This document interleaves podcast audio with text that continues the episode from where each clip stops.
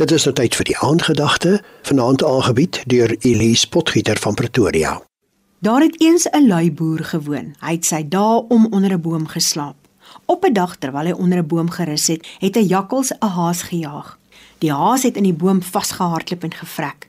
Die boer het die dooie haas opgetel en die haas vir aandete gekook en geëet en toe sy pels op die mark verkoop.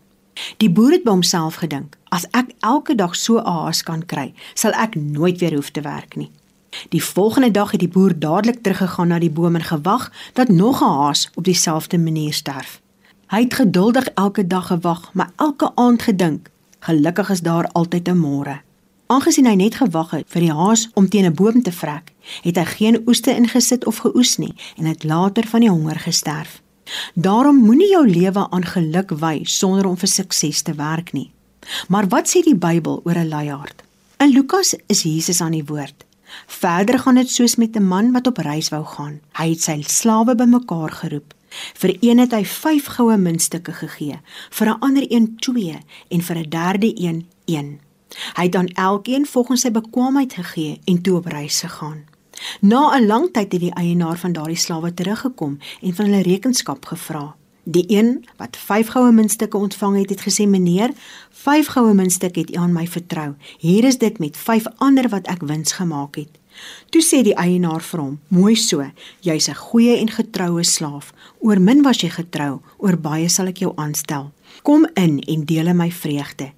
Die een wat twee muntstukke ontvang het, het sy twee munste ook met twee vermeerder en is geprys. Toe kom die een wat een goue muntstuk ontvang het en sê: "Meneer, ek ken u en weet dat u 'n harde man is wat oes waar u nie gesaai het nie. Omdat ek bang was, het ek u muntstuk in die grond begrawe. Hier is die geld terug." Toe sê sy eienaar: "Jy is 'n slegte en lui slaaf. Jy het geweet dat ek oes waar ek nie gesaai nie. Waarom het jy nie die geld in die bank gesit sodat rente kon trek nie? Vat die muntstuk van hom af weg en gee dit aan die een wat 10 het. Aan elkeen wat het, sal meer gegee word en hy sal oorvloed hê, maar van hom wat nie het nie, sal ook die bietjie wat hy het weggevat word." As Christen is dit belangrik dat ons moet weet dat almal van ons 'n doel op aarde het. En ons gebed daarom vanaand is: Vader, wys my wat U wil hê ek met my lewe moet doen. Amen. Dit was die aandgedagte hier op RSG, aangebied deur Elise Potgieter van Pretoria.